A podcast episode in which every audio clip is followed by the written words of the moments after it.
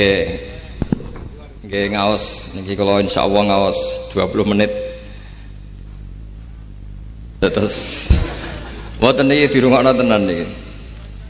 Terus kula cerita kitab hikam niku dikarang oleh Ibnu Athaillah napa As-Sakandari terus beliau adalah murid dari Abdul Abbas Al-Mursi Abdul Abbas niku murid saking Abil Hasan Asyadi.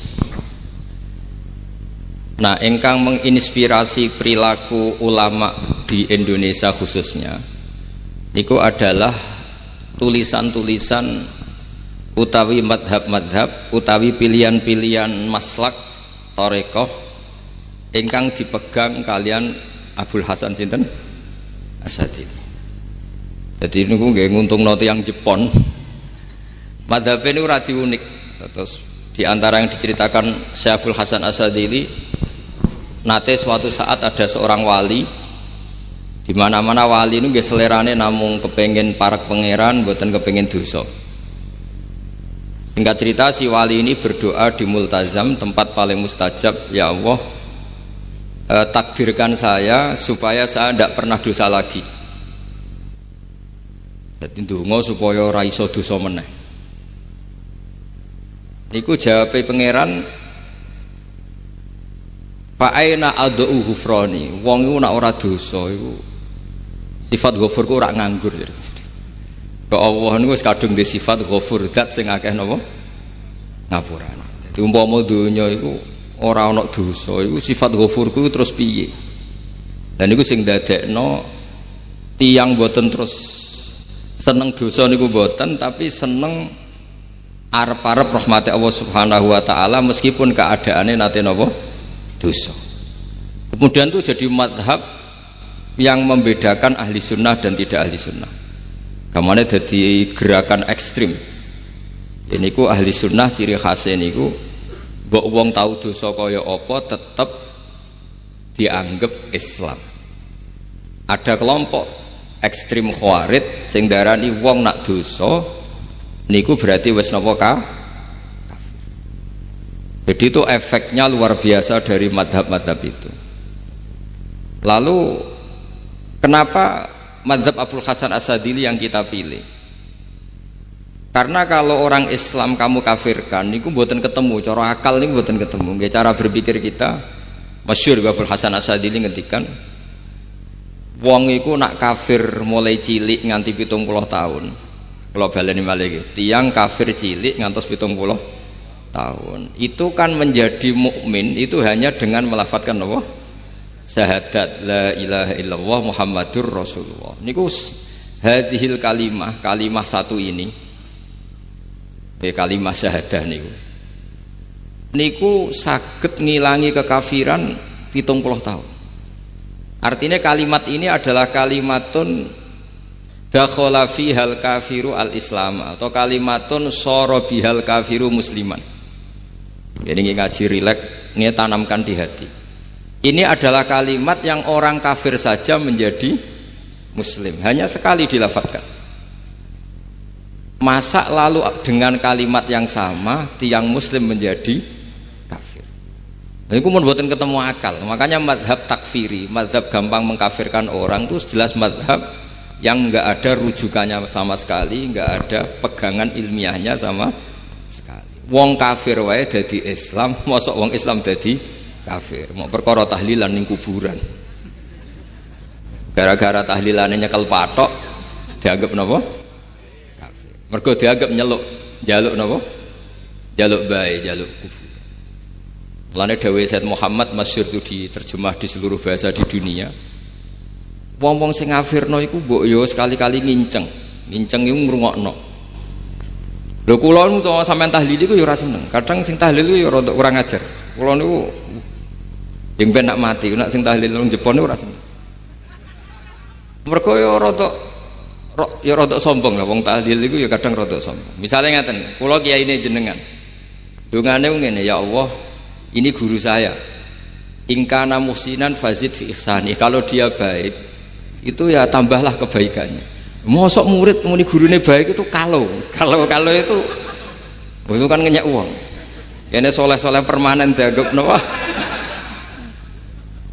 jadi dengan itu ngeper ingkana musinan fazid fesa wa ingkana musian fata jawas anhu misalnya. Kalau dia orang buruk kalau beliau orang buruk yang kau maafkan maka orang-orang di luar sana yang mengatakan andekan tahlil itu baik pasti dilakukan sahabat.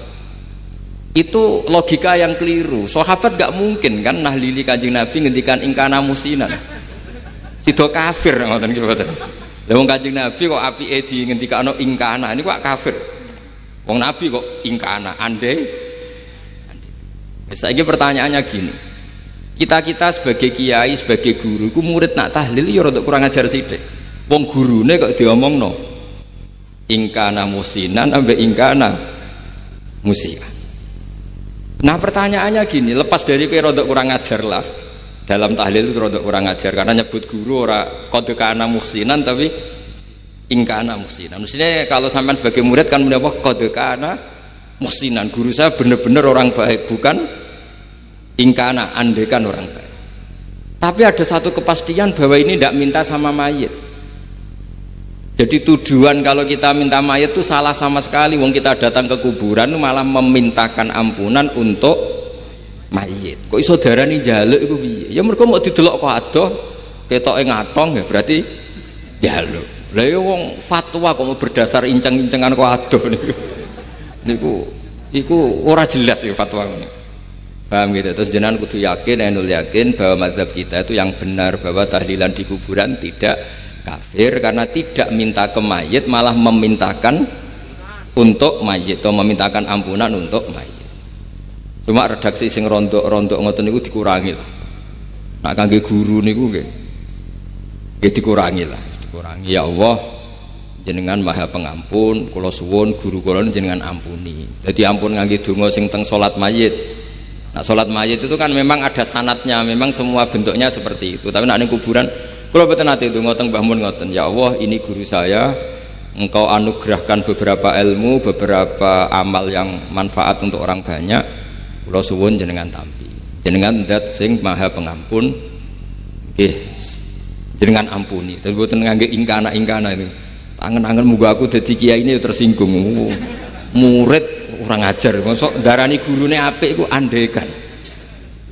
Ya tapi berhubung ra paham ya alhamdulillah ya tahlil yang wali songo ya buanter-banter nganggo mik lah sing kene paham ya rada risi piye?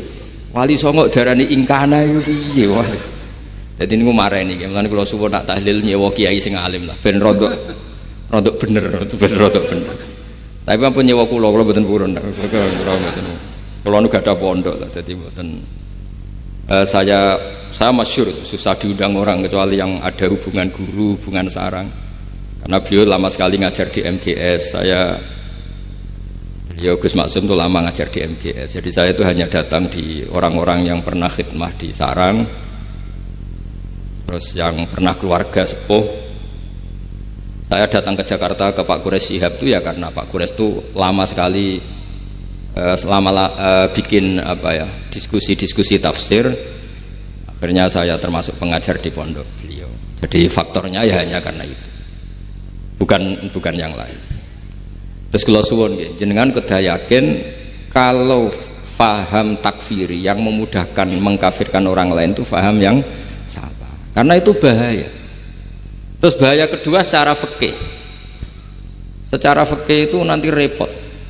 Kalau nanti di salah satu seminar itu sudah mau zuhur ketemu satu narasumber yang gampang mengkafirkan orang itu separuh masjid kebetulan mereka banyak yang bisa ngaji itu terus gak sholat duhur gak sholat duhur Tanya sama mereka, lu kok tidak sholat duhur sudah masuk waktu?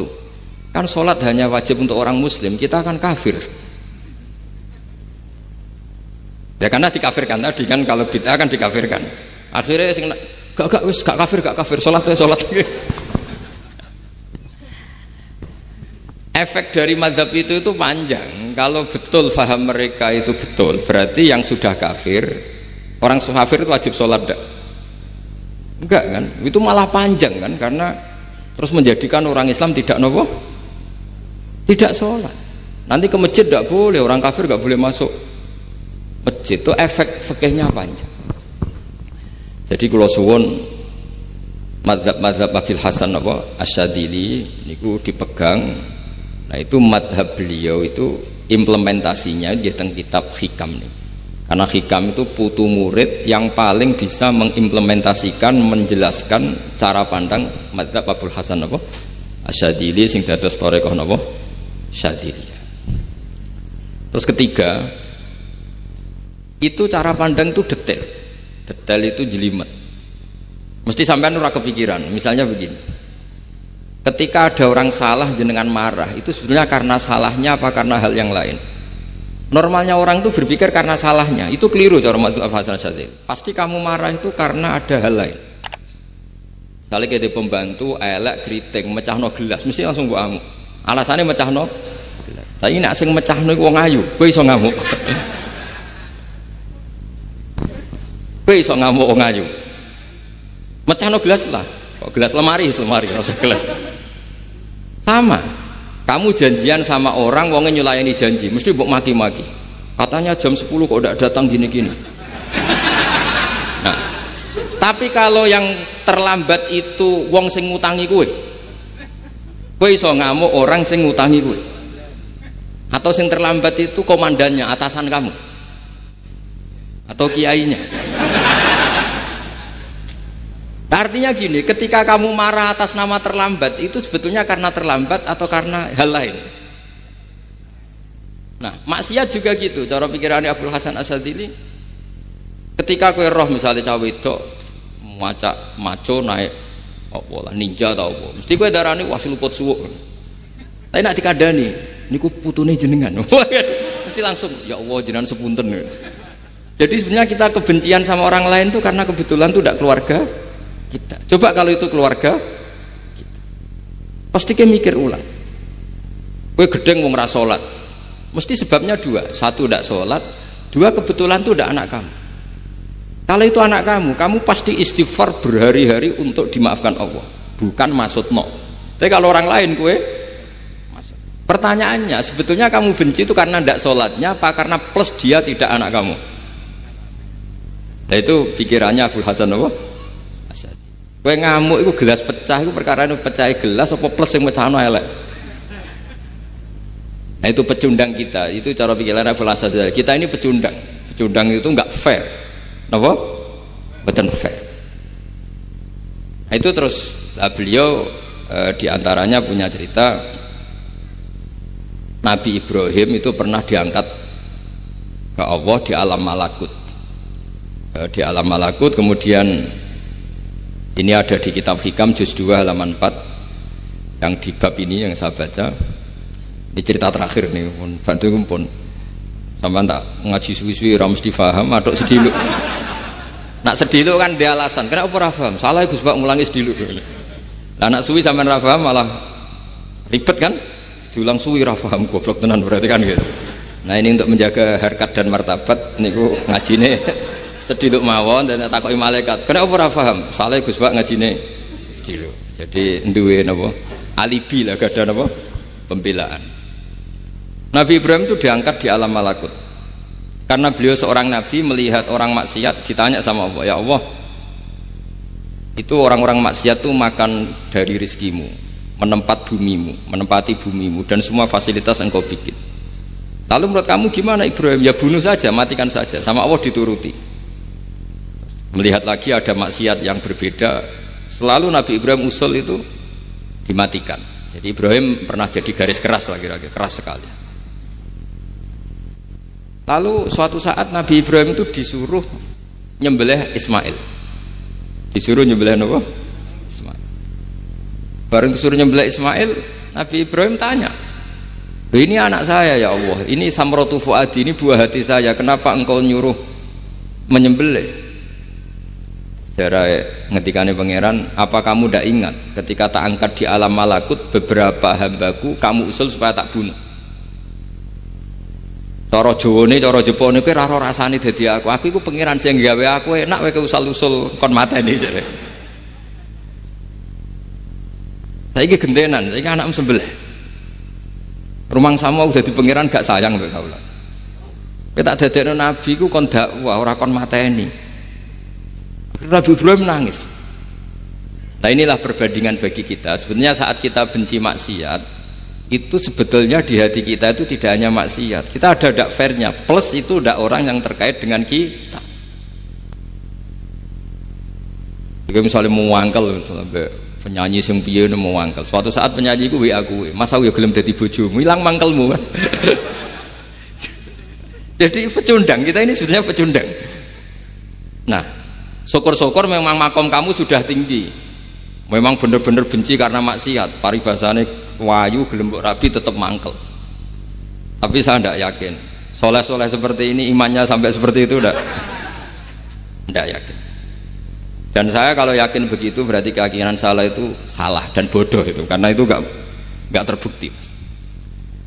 Makanya ini kita baru kalian kitab hikam karena ini acara ngaji hikam eh, Kula Eh, sedikit mawon Kula Waos ini jawabannya Nabi Ibrahim ketika disuruh nyembelih Ismail tengah halaman 4 juz 2 Allahumma hadza waladi wa samratu fuadi wa ahabbun nasi ilayya.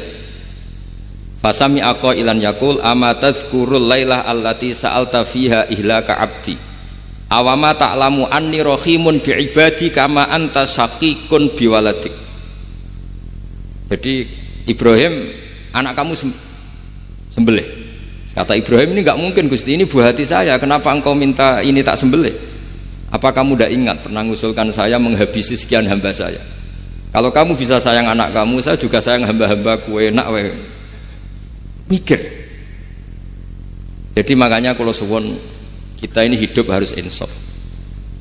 Nak kira dia duit, iku yo mangkal tenan loro tenan. Terus bojomu mbok kon sabar pas kowe ra ngekeki duit, iku yo ora fair. Wis ben-ben ngamuk. Satu kelihatan cerdas. Memang kondisi nggak punya uang itu harus ditanggapi dengan marah. Masa diapresiasi. Pinter Mas kowe saiki dadi wong zuhud. Wah, ya ribet kan. Wes jos Mas sampean. Saiki ra di dhuwit, sampean dadi wong zuhud, wong waro. Ih. Tapi udah mati bareng saiki. Jadi sebetulnya Allah bikin emosi itu andikan boleh dibahasakan wis dipikir. Walau la dafwahin nasa ba'dhum bi ba'dil lafasadatil Jadi bumi ini sebaiknya itu diisi dengan sekian perbedaan. Tapi tidak konflik loh, perbedaan dengan konflik itu beda. Saya ulang lagi, bumi ini sebaiknya diisi dari sekian apa? Perbedaan, karena justru itu bagus.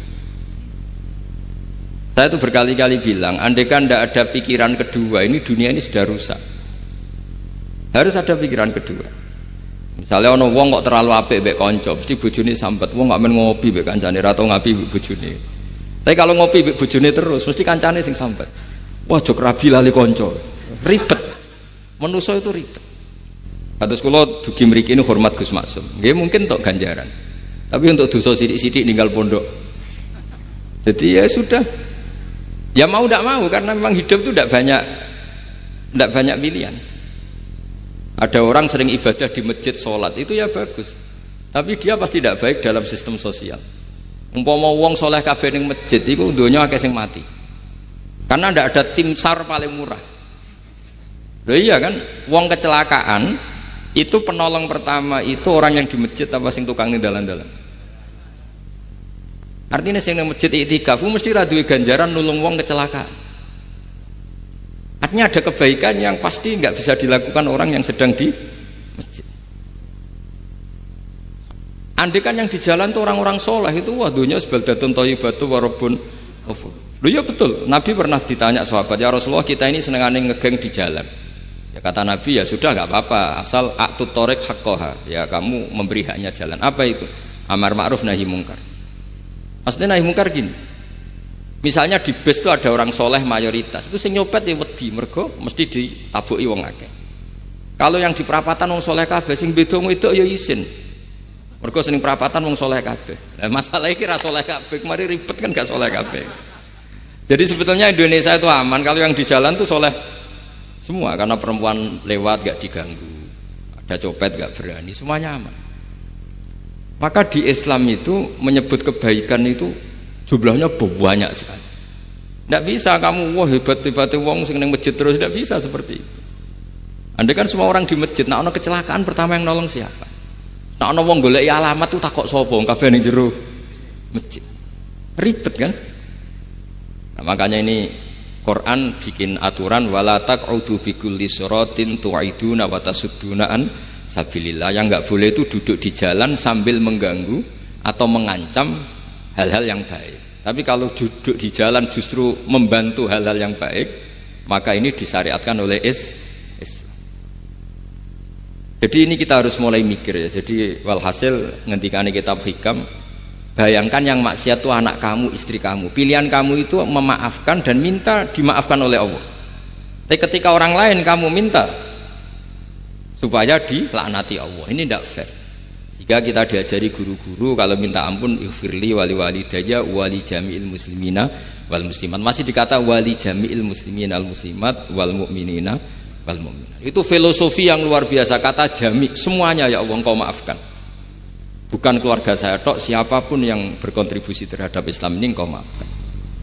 Begitu juga di mukaddimah khutbah. Kalau suwun harus ditradisikan wala alihi wasohbihi ajmain. Kata ajmain ini kata pembeda mungkin orang baca hanya rutin tapi kita yang nekuni ilmu ajmain ini kata kunci fa inna ahla syiah akromu sohabian wa ahanu sohabian akhar Tri, tradisi madhab syiah itu apa? Ada sahabat yang begitu dimulia-muliakan berlebihan kayak Sayyidina Ali dan ada yang dihinakan kayak Abu Bakar dan Umar. Lalu pembedanya dengan ahli sunnah apa? Kita menghormati sahabat wa sohbihi ajmain. Jadi hadhil kalimah kalimatun farikoh. Ini kalimah pembe pembeda.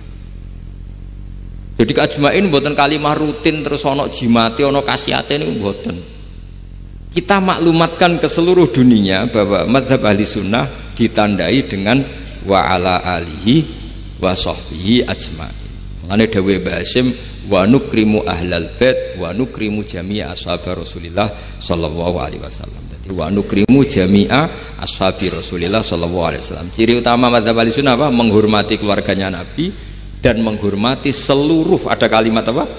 seluruh sahabat jadi kata asma itu kalimatun farikoh atau kalimatul fasl. Kalimat yang membedakan mana madhab syiah dan madhab ahli sunnah nopo. Itu kalau jenengan ngaji teng Gus Maksum nopo teng Haji Maksum di antara madhabnya sinten Nabi Ibrahim yang diceritakan Abdul Hasan nopo Asyadili kebencian kepada maksiat kita semua pasti benci maksiat.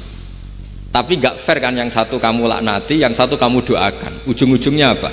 Ada unsur hadun nafsi. Kalau yang ter terkait dengan jenengan buk no di sepuro nah yang nggak ada terkait buk pasutno. Ini kan tidak fair padahal sama-sama. Sama-sama apa? Maksiat.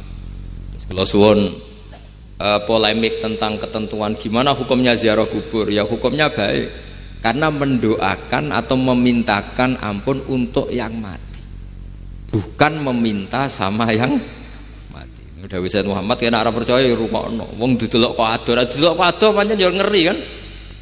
Patoke diusap-usap. Bariku ndonga, delok kok ado kan njaluk kuburan. Padahal mayite ngeluh. Ngeluhe perkara mau, kadang nek sing kiai ini rapati iso ngaji wamen ingkana. Wali kok darani napa? Ya Allah, jika mayit ini, andekan mayit ini baik, maka dan andekan tidak Lu cara kowe dadi mayite. Bocah ora jelas. Oh, mayit, nah, makanya ini cobalah kalau kalau sholat jenazah tidak apa-apa doa itu karena sanatnya seperti itu. Ya, kalau doa no guru ya diatur-atur yang baik lah. Langsung mawon ya ghafiratunu wal khotiat gini-gini. Saya mohon beliau amal baiknya jangan terima amal buruknya jangan ampuni karena guru juga manusia tidak nabi. Boten terus apa? Pakai apa? Pakai apa? Ingkana. Oh apa kita beruk nah, mulanya itu setelah peristiwa ini Nabi Ibrahim menghentikan faman tabi'ani fa innahu minni waman asoni fa innaka ghafurur rahim. Ya Allah orang yang ikut saya ya pasti bagian dari saya. Artinya harus berhak mendapat syafaat. Tapi orang yang sedang tidak taat sama saya kula suwun beri hak untuk tobat. Jadi ghafur itu artinya ya kasih waktu lah Gusti untuk untuk tobat. Sehingga umat ini nggak berhenti berharap supaya yang sedang maksiat pun kita selalu berharap suatu saat pasti to tobat. Kita berharap la allahum yarjiun la allahum yantahun. Quran sendiri menghadapi orang-orang maksiat masih selalu diberi harapan la allahum yarjiun la allahum yantahun. Ya tentu dengan sekian moidho sekian yang hikmah sekian amar ma'ruf nahi mungkar. Yang jelas kita sebagai ahlul ilmi tidak punya sanat model keras. Karena semuanya ini proses sama nggak bisa niru Nabi itu kan dulu perang Gus. Loh Nabi perang dulu itu enak. Enaknya itu Nabi mesti bener, musuhnya mesti salah. Ya, itu Abu Jahal CS. Saya ke perang kue orang mesti bener. Musuh merah mesti salah. Terus apa tegas piye oleh tegas wong padha jelas. Riyen tegas kan gampang, Nabi mesti bener. Musuhnya mesti salah. Kan penak. Anak sampean? Wah, sampean masih macake santri ini. Cara tukaran mbek tanggamu ora mesti tak bela. Ya mergo ora mesti bener. Wong bapak anak cerita kula, ana imam masjid sepuh, istiqomah geger mbek pengurus takmir. Ya kadang bener sing canom-nom. Ke imam masjid sing sepuh iku ndekne paling sepuh kudu dadi imam terus dari bapak. Iku istiqomah apa mau digenteni wong liya? Itu banyak alumni sarang, alumni Peloso Lirboyo nganggur gara-gara sing tua itu mau digenteni. Nah, tapi misalnya kok sing nom ambisi ya salah, ono sing sepuh kok sing nom ambisi hidup itu udah banyak pilihan. Artinya gini loh, di wilayah istihad, di wilayah mikir itu potensi salah itu ada. Ya wow, kena abot keluargamu mesti sering ninggal bojo. Nah abot bojo mesti mengabaikan ibu kamu, saudara kamu. Nak ngono sing imbang, Gus. Rai-rai pas-pasan wangi limbang. Ndak segampang itu ngelola keseimbangan itu ndak. Ndak gampang. Karena hidup tuh wakana bena dalika kawama itu ngukurnya ndak gampang. Kalau sampean sholat soft awal terus. Ini ada ulama yang kritik meskipun sholat awal paling apik kowe iku sapa kok kok ngarep terus koyok paling bener jebule kok ngarep jebule salah. Lah yo kan kuat orang maksa sholat awal terus neng Mekah jebule salah. Jadi ono juga wali yang kalau sholat tuh nenggok guri ditakoki kenapa kayak sering nggak guri? Aku iku isin. Madep pangeran kok, kok, kok hebat wae kok ngarep? Banyak juga cara pandang ini karena wilayah istihad. Nopo wilayah nopo Wilayah istihad itu kayak iya kayak enggak. Makanya dalam masa Nah, misalnya gini contoh paling gampang. Kalau ada bata, boto, boto gaweane wong Rembang, jadi wong Bluro, itu kan sering kena teletong dan teletong itu jadi materinya. Ono sapi ngising ning di baro terus diolah jadi boto. Terus kemudian boto ini jadi masjid. Itu najis apa enggak? Najis kan karena disuci enggak bisa materinya najis itu hanya boleh di madhab Abu Hanifah. Madhab Abu Hanifah itu mengatakan alatut tadir itu tiga air, turab, debu dan anar api. Alasannya madhab Abu Hanifah orang mukmin yang dosanya banyak itu disucikan dengan api neraka. Berarti api itu min alatit tadhir sebab itu botol yang sudah dibakar itu otomatis suci. Tapi saya berkali-kali fatwa tidak boleh dikiaskan. Kalau kamu tidak ada air terus nyolder air nggak boleh. Nanti ada orang mandi junub pakai api. Mau ya ora karu-karuan. Ya sudah contoh itu hanya gue botol mawon. Coba praktek nona wudhu rano banyu berarti oleh nganggu saudara anda. Tapi itu kan ilmu. Ilmu itu ya seperti itu. Akhirnya beberapa materi yang dari najis asal sudah mengalami pembakaran itu cara madzhab Abi Hanifah dianggap suci kayak botol kayak keramik atau pisau Dulu beberapa materinya peso ya kadang ada materi yang najis. Tapi ini sudah mengalami pembakaran, maka dihukumi suci. Mungkin kalau contohnya aja gue wudhu lah, semuanya pesan gua aja gue wudhu, aja gue mandi junub. Misalnya iwak, iwak itu kalau besar, coro Syekh Nawawi Banten itu tae cek dianggap najis karena bentuknya besar. Inti kalau madzhab Abu Hanifah pun digoreng pun kena api, pun dibakar pun kena api. Jadi berarti pun apa?